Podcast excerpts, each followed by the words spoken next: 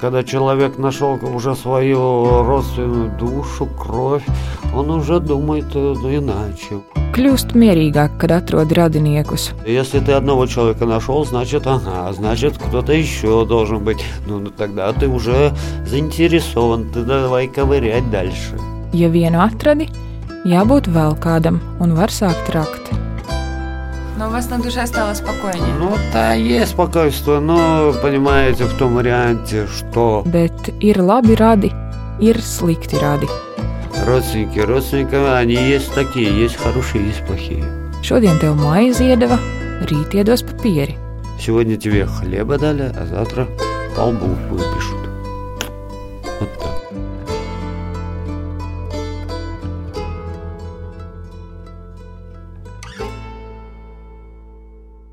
Genādijs visu savu dzīvi pavadījis ārpus ģimenes. Dzīvoja bērnamā, mācījās internāta skolā, dzīvoja pansionātos, pabija arī psihoneiroloģiskajā klīnikā. Šis Latvijai nav unikāls stāsts. Arī tad, kad jau spēja par sevi parūpēties, cilvēki, kam ir intelektuālās attīstības traucējumi, turpina dzīvot institūcijās. Līdzīgi kā slimnīcā, tur pabaro, cilvēkiem ir istabiņas noteikts režīms. Tomēr, tāpat kā slimnīcā, tajā negribas aizkavēties pārāk ilgi. Из с одной бумажки по цепочке вот и искал. Gadiem Genādija mērķis bija atrast radiniekus, И всех собрал. un viņam izdevās. Вот. Šis piedzīvojums viņu izvilka brīvībā. Tur nebija viegli. Šis ir dokumentāls stāsts, tomēr daļa stāsta varoņi ir miruši un ir notikumi vai atmiņas, kurus nebija iespējams pārbaudīt. Mani sauc Anna Petrova. Es bišķi nokavēšu, ja? Labi, labi. Genādiju filmēsim. Мы сначала вас попросим представиться. Sākam ar iepazīšanos. Ну, давай попробуем. Да, ну представьте. Меня зовут Геннадий. Мне полных лет 39. Genādijs nav pārāk liela auguma, kalns, rūtainā kreklā. Viņam ir 39 gadi. 17 no tiem viņš pavadīja pansionātos. Попал в пансионат. И сколько лет? 17 лет. To laiku vairs neatgūt, viņš saka. Потеряно, не потеряно, просто в это время уже не вернешь. Genādijs bija diezgan jauns, dzīvoja kopā ar vecākiem cilvēkiem. Ārpus pansionāta iet drīkstēja, bet tas bija rakstiski jāsaskaņo ar vadību. Pastrādāja dārzā, dzina vīriem bārdu. Цирульника, зинит, kas tas цирульникс? Nē. Это bārdu dzīnais. Ah. Prasa priekšniecība, nu tu var? Es goju, jā, var. Nu cik jums vajag? Es goju, vienu dienu. Un kad nevar būt. Nu, i pa vienu dienu 46 cilvēki nodzina bārdu. Nu, ar viņu vajag sarunāt. Это viena. А, viņš ir ā, agresīvs, это otrā. Tu ar viņu runā pusstundu. Viņam vajag susi-pusi. Norunās, un viņš sēdēs un bārdu nodīs. Nu, Jūs kā psihologs strādājat? Не, ну то вайк, как говорят по-русски, подход. Pieeja. Е. Katrā institūcijā ir sava kārtība. To Genādijs saprata jau internāta skolā. Там я в русской школе был э, всю жизнь, ну, 21 года. Это в обычной школе И, или э, специнтернат-школа. специнтернат? Ну, для умственных отсталых.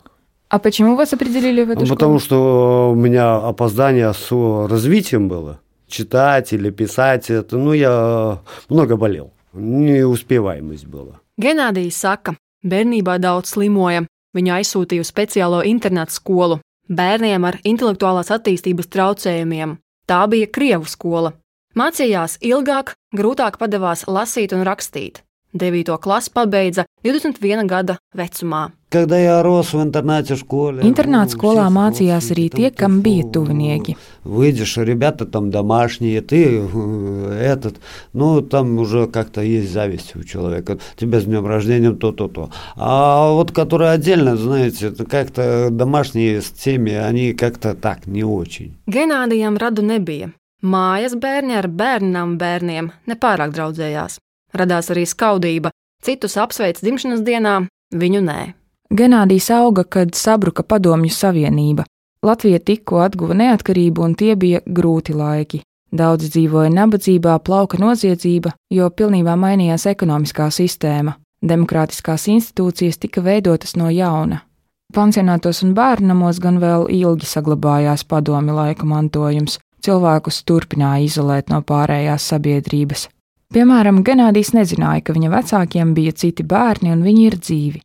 Kādā brīdī viņu sāka meklēt māsa Svetlana. Мама написала в этот детский дом, чтобы найти Гену. Svetlana auģumāma uzrakstīja bērnama direktoram, tomēr Genādijs neatsaucās.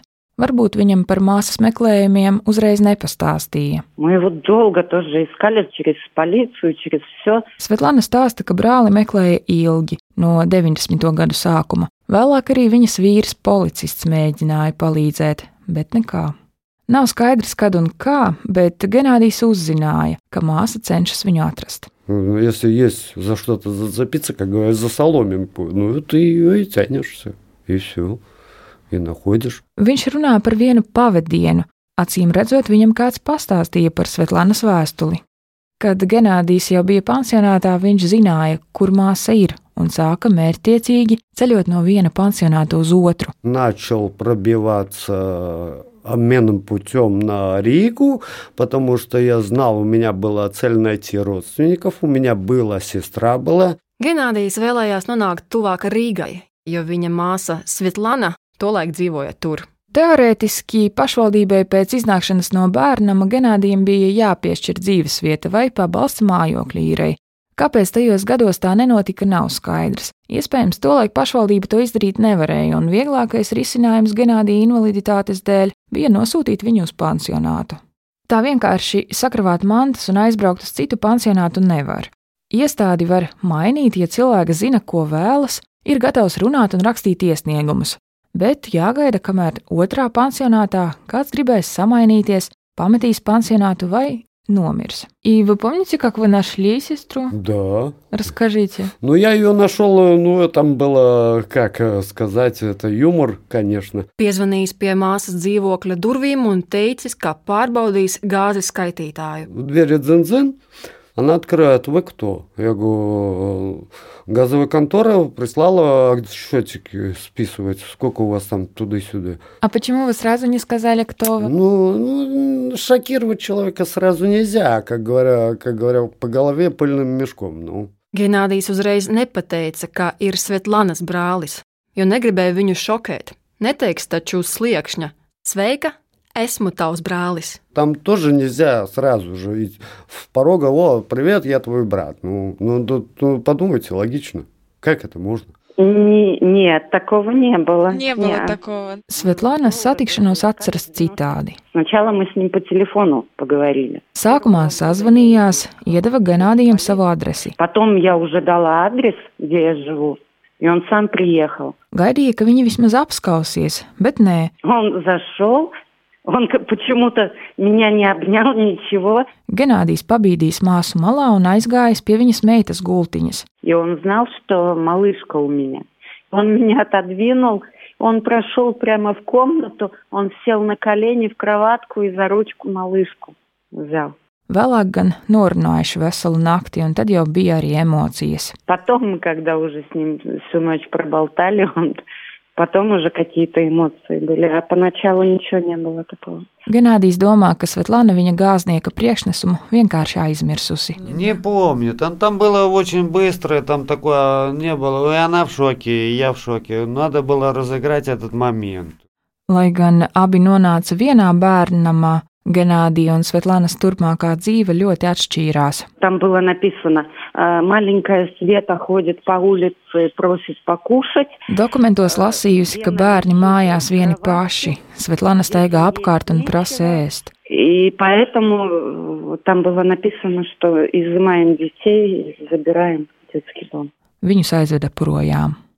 Svetlana drīz pieņēma bērna audzinātāja, Genādiju atstāja. Говорит, если вы забираете, то забирайте двоих. А, чтобы брата с Не сестрой. Jau tolaik, 80. gados, bērnus negribēja šķirt, bet Svetlanas auģa māma esot cīnījusies, lai paņemtu tikai Svetlānu un slimīgo Genādiju, atstātu bērnamā. И каким-то макаром, я не знаю, она как педагог, она добилась того, чтобы именно меня забрать, а Гену оставить. Toreiz gan brāļus un māsas šķirt bija vienkāršāk nekā šodien. Pēc labklājības ministrijas skaidrotā tagad nav iespējama situācija, ka brāli un māsu šķir un viņi pat nezina viens par otru. To, ka viņa ir adoptēta, Svetlana uzzina 13 gadu vecumā. Tēvs pateica: У меня сразу была истерика. Uzreiz bija histērija, saka Svetlana. Он говорит, Света, ты знаешь, что ты не родная дочка? И я на два дня убежала из дома. Uz divām dienām aizbēga no mājām, К подружке побежала, slēpās pie draudzenes. расплакалась. Māma bijusi dusmīga, ka Svetlana zina patiesību. Ну, мама не очень хорошо себя повела. Не от того, что я убежала, она разозлилась от того, что я узнала. И потом уже совсем по-другому вся жизнь понеслась. Abu attiecības pēc tam mainījās. Visa dzīve mainījās. Абсолютно. Svetlana un Genādijs satiekas 90. gadu otrajā pusē. Brālis sāk māsu apciemot. Ну, мы начали встречаться, ездить, общаться туда-сюда. Brauc Ziemassvētkos, jaunajā gadā, svin dzimšanas dienas. Они ко мне туда в учреждение не приезжали, я только к ним на Svetlanai ir праздник mazi приезжал. bērni, un viņa ciemos uz pansionātu Разговаривался, nebrauc. ну, и всё. Genādijs neapstājas. Viņa mērķis bija atrast arī māti, tēvu un vecākos brāļus. Agrāk lielie ar mazajiem bērnamā varēja nesatikties, jo grupas dalīja pēc vecuma. Arī tas bija padomi laiku mantojums. Tagad vairs Latvijā tā nedara. Kad Svetlana auģumāmai prasīja palīdzēt atrast brāli, Э, Гену найти. viņa teikusi, ka Genādijs nav dzīvotājs. Diezin vai izdosies. Она говорит э, мне, ты знаешь, мне кажется, что он не жилец. Он и так ходил, там еле-еле, душа в теле. Bet viņš nevien izdzīvoja, bet arī atrada visus pārējos. Выжил же, вон всех нашел, красавец. Genādijs satika vienu brāli, uzzināja, ka otrs miris jauns, uzzināja par citiem pusbrāļiem, pusmāsām, noskaidroja, ka māte mirusi. Ar savu tēvu gan iepazinās. Ну да, мы пообщались, ну нормально. Paskatījās Он- он viens uz otru, извинился. Ну, я aprunājās. зла не имел. Ну посмотрел, какой отец, что, чего, и все. Tēvs viņam atvainojās. Света, это ты? Я говорю, да, это я. Tēvs viņai jautāja: Sveta, tā esi tu? Genādija māsa Svetlana ar tēvu sazvanījās, kā daudzi aizbrauca prom ekonomiskās krīzes laikā. Он говорит, а где у тебя родинка? Prasīs, kur viņai dzimuma zīmīte, Скажи, где у тебя родинка? pārbaudīs turēja. Когда я сказала самая, которая у меня родинка, он говорит, да, это ты, моя дочь. Esot bijis daudz jautājumu, kurus tēvam uzdot. Он мне рассказал, я, ну, всякие же вопросы, знаешь, интересно же.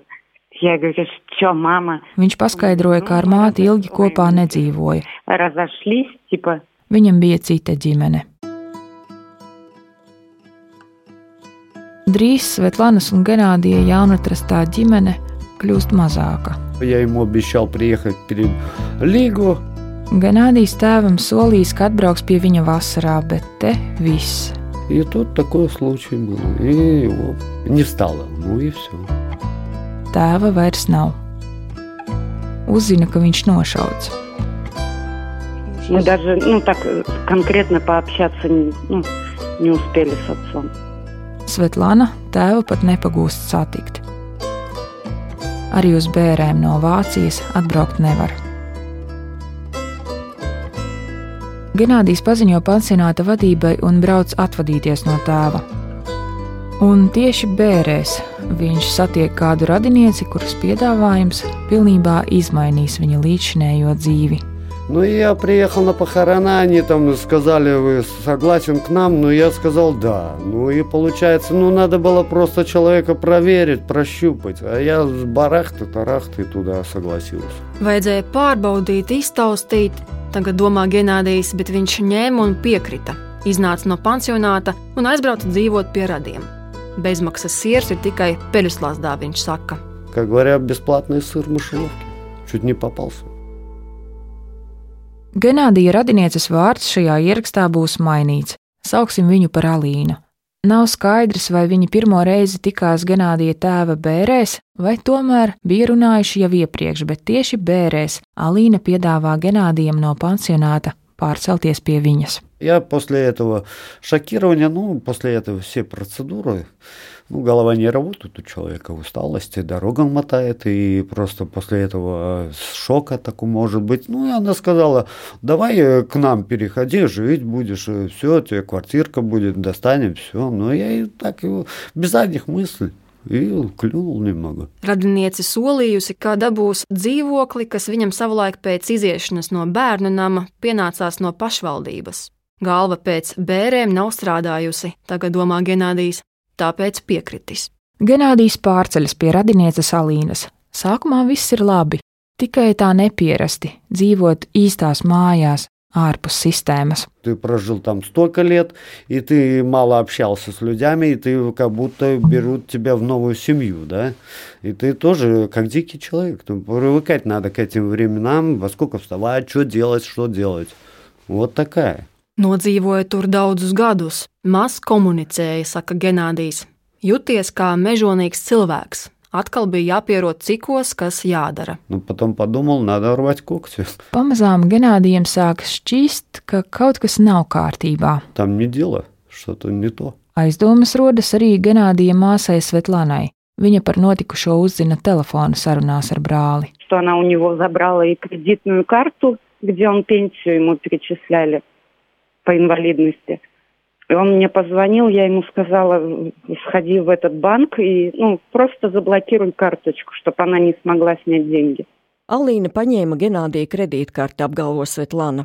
Viņai šķita, ka radiniece tērēs Genādija invaliditātes pensiju un ieteica viņam karti bloķēt. Pēc tam pati zvanījusi Alīnai un prasījusi, ko jūs tur vēlni darāt? Я ей звонила, я с ней разговаривала после того, как вот, вот с этой карточкой.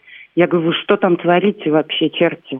Зачем вы такое делаете? Skaidru radinieces atbildi par bankas karti Svetlana nesaņēma, vien atrunas, ka Genādijs pats vēlējies pie viņiem dzīvot. А она мне говорила, что как бы Гена сам к нам ну, захотел, ну, ну, как всегда, чтобы отнекиваться.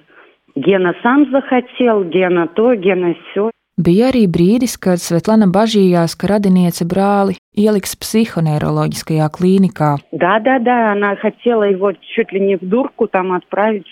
Ой, там была большая история. Ko par to saka Alīna? Kolēģis Sergejs Kuzņecovs ir apstājies pie lauku mājas.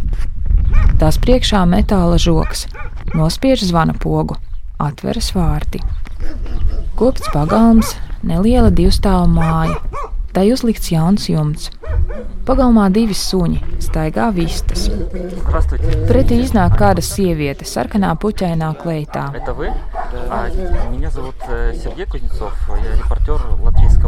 Žurnālists izstāsta, ka meklē Ganādija radinieci Alīnu, un sieviete saka, ka tā ir viņa. Par Ganādija dzīvi šeit Alīna sākumā neko daudz teikt negrib. «Ну,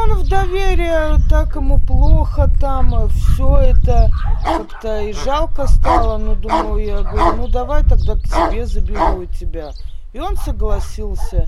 Первые как-то недели ничего было. А потом он такое тут устраивал. Ой, это кошмар. Genādijs iekarojas viņas uzticību, Alīna saka. Bērēs palicis viņa žēl un piedāvājis pārcelties pie viņas. Pirmo nedēļu it kā bija neko, pēc tam oi šausmas. Genādijs dzīvo mājas otrā stāva istabā. Alīna ar vīru apakšstāvā. Отдельная комната, телевизор.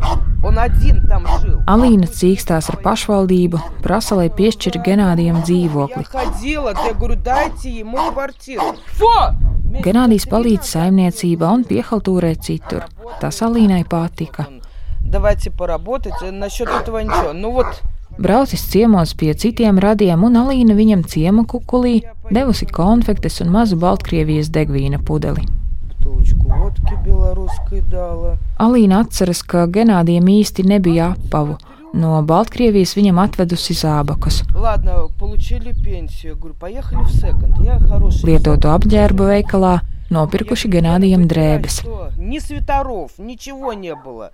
Я говорю, Гена, выбирай, что ты хочешь. Он сам выбирал. Ne džemperu, nekā nebija, Alīna saka. Saņēma pensiju, aizbrauca uz labām humpalām, un Alīna teikusi, lai ņem, ko grib. Pats izvēlējies. Tāpat kā citi cilvēki ar invaliditāti, arī Ganādijs saņem pensiju. Bez papildu ienākumiem Latvijā ar to izdzīvot grūti.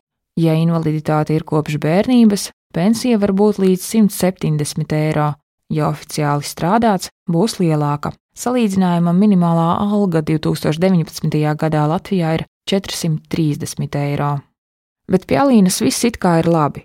Taču Genādijam rodas sajūta, ka viņu kontrolē, skaita katru viņa apēsto maizes kumosu. Если человек, получается, в том варианте считает, сколько ты куска хлеба съел и сколько ты ложек э, супа съел, ну там уже ясно. Šķiet, ka nekā laba tur nebūs, ka viņš ir apmānīts. Что он может придумать? Он может заподлянку придумать. И все. Ēdienu sarunā piemin arī Alīna.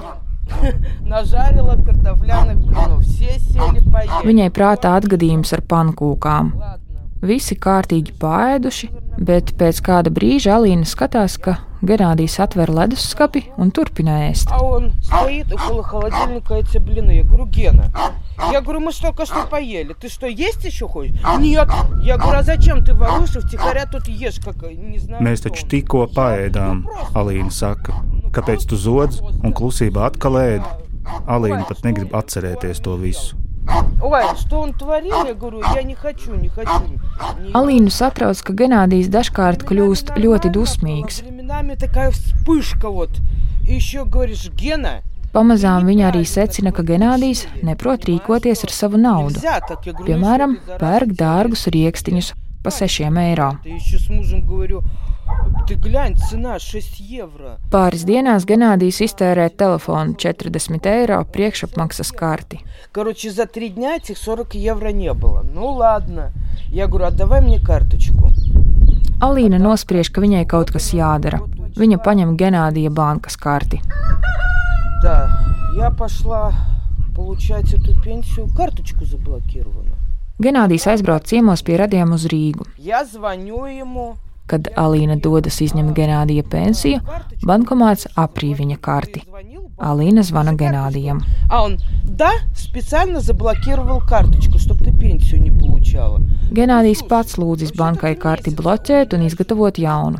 Не его... Психиатру его направляли? то есть, Да, направляли, а понимаете? почему? Зачем это надо? Kādā brīdī Alīna sāk domāt, vai visu nevajadzētu kārtot arī juridiski. Там надо было э, в соцобеспечение справку как опекунство. Ну, чтобы я над ним делала.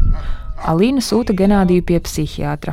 Grib saņemt atzinumu, ka viņam vajadzīgs aizgādnis. Э, направил, э, он посмотрел с ним, он с ним разговаривал и направил 10 дней, он что ли lежал в больнице. Psihiatrs savukārt nosūta uz izmeklēšanu psihoneiroloģiskajā klīnikā.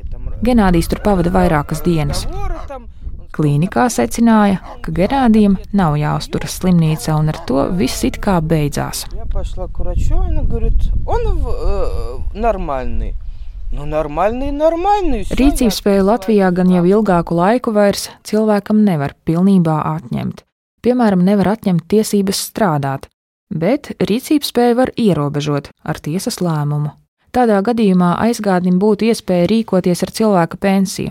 Tikai viņa interesēs, protams, piemēram, maksāt par mācībām vai nopirkt drēbes. Ну, Я отнесла эту справку, и все.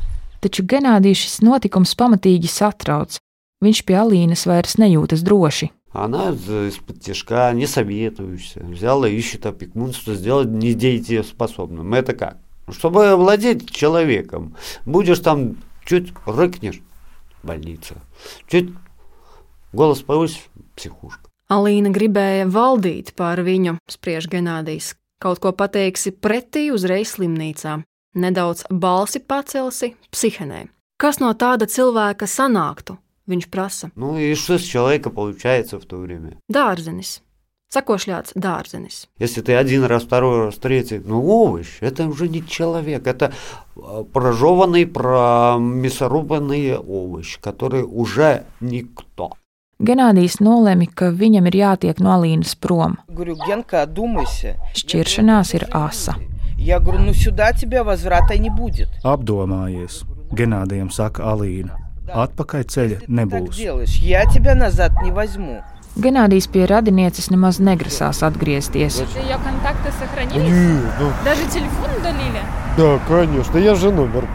Viņš izdzēš Alīnas telefona numuru un nomaina savu. Alīna šķiet ir aizvainota joprojām. Kam viņš būšot vajadzīgs? Nevienam, tikai viņai muļķē bija.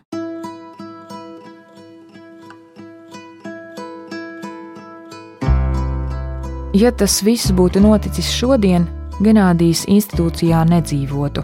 Tā vismaz saka Labklājības ministrijā. Latvijā ir mērķis panākt, lai institūcijās ir mazāk cilvēku, un tie, kas vēlas tās pamest, to arī darītu. Par Eiropas fondu naudu mēģina radīt atbalsta mehānismu dzīvei ārpusē. Tomēr Genādija piedzīvotais parāda, cik tas ir grūti, ja esi izaudzis un gadiem dzīvojis sistēmā, kas necenšas sagatavot cilvēkus patstāvīgai dzīvei. Да, насколько он мне рассказывал, я знаю. Ну, я его ругаю д- до сих пор за это, что куда ты вышел ну, в свободную жизнь, ты не настолько образован, да, не настолько, ну, как это сказать. Я говорю, у тебя там все было, и, и, и зачем? Māsa Svetlana Genādiju joprojām lamā, ka viņš pansionātu pametis.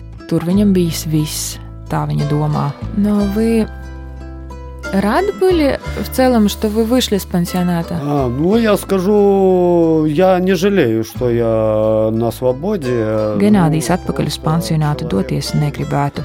Он немножко свободен, у него психология иначе, он больше общается на мир, смотрит, на будущее. А в учреждении там немножко получается в том, что ты сжатый. Brīvībā cilvēks citādi skatās uz pasauli un nākotni, vērtē Genādijs. Iestādē jutās nepārtraukti kontrolēts. Тебе за тобой контроль идет. Все время kontrолируют. Каждый раз тебе там чуть не говорят, Курту Айзга, куда ты ушел или Vajag celties, gultu klāt, vai paēdi, vai nomazgājies, cikos gulēt aizgāja. Kontrolē visu. Надо вставать, надо кровать застилать, надо это. Тебе же контролируют. Если ты вот свободен человек, ты вот поел, поел, помылся, помылся. Во сколько лег, никому не отчитываешься. Во сколько встал, тоже безотчетность. Ну, разница есть. Šobrīd Genādiju lēmumu pieņemšanā stiprina nevalstiskās organizācijas Zelda atbalsta persona. Pēc tās un tiesību sarga biroja iesaistes Genādijam pašvaldība piedāvā grupu dzīvokli. Tajos cilvēkus atbalsta speciālisti, un viņi apgūst patstāvīgai dzīvei vajadzīgās prasmes. Genādijs no šīs iespējas gan atsakās. Viņam tas atgādina mazo pansionātu, arī ar saviem noteikumiem. Viņš tagad īrē pašvaldības dzīvokli, mācās latviešu valodas eksāmenam un meklē darbu. Viņš skaidro, ka negrib būt uzbāzīgs. Pēc darba intervijām ilgi gatavs gaidīt zvanu un jaunus piedāvājumus tajā laikā īsti nemeklē. Viņam pagaidām nepārzvana.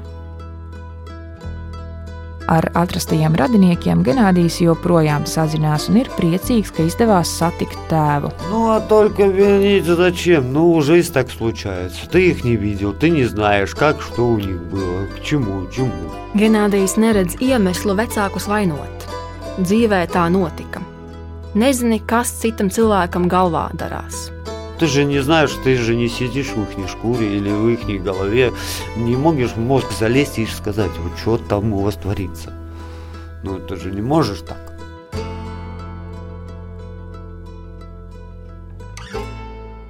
Kā ir ar Alīnu? Они, я-то на нее зла не имею, мне-то... Ļaunu prātu netur arī uz Alīnu. Genādijs uzskata, ka viņam Alīnai nav jāpiedod. Пустышка. Vienlaikus nosauc viņu par tukšu cilvēku. Tagad domā, pat velti meklējis. Я думал, зря я ее искал. всё. Вот в чем. Tu izdarīji visu, kas no tevis atkarīgs. Atradi un visu saprati. Тебе дадено Богом, как говорят, помучиться. Tev Dievs devis pamocīties un devis arī laiku izlabot kļūdas. И дает определенное время что-то исправиться. Vai saprotiet? Понимаете? Или нет? Понимаю, да. А что вы поняли?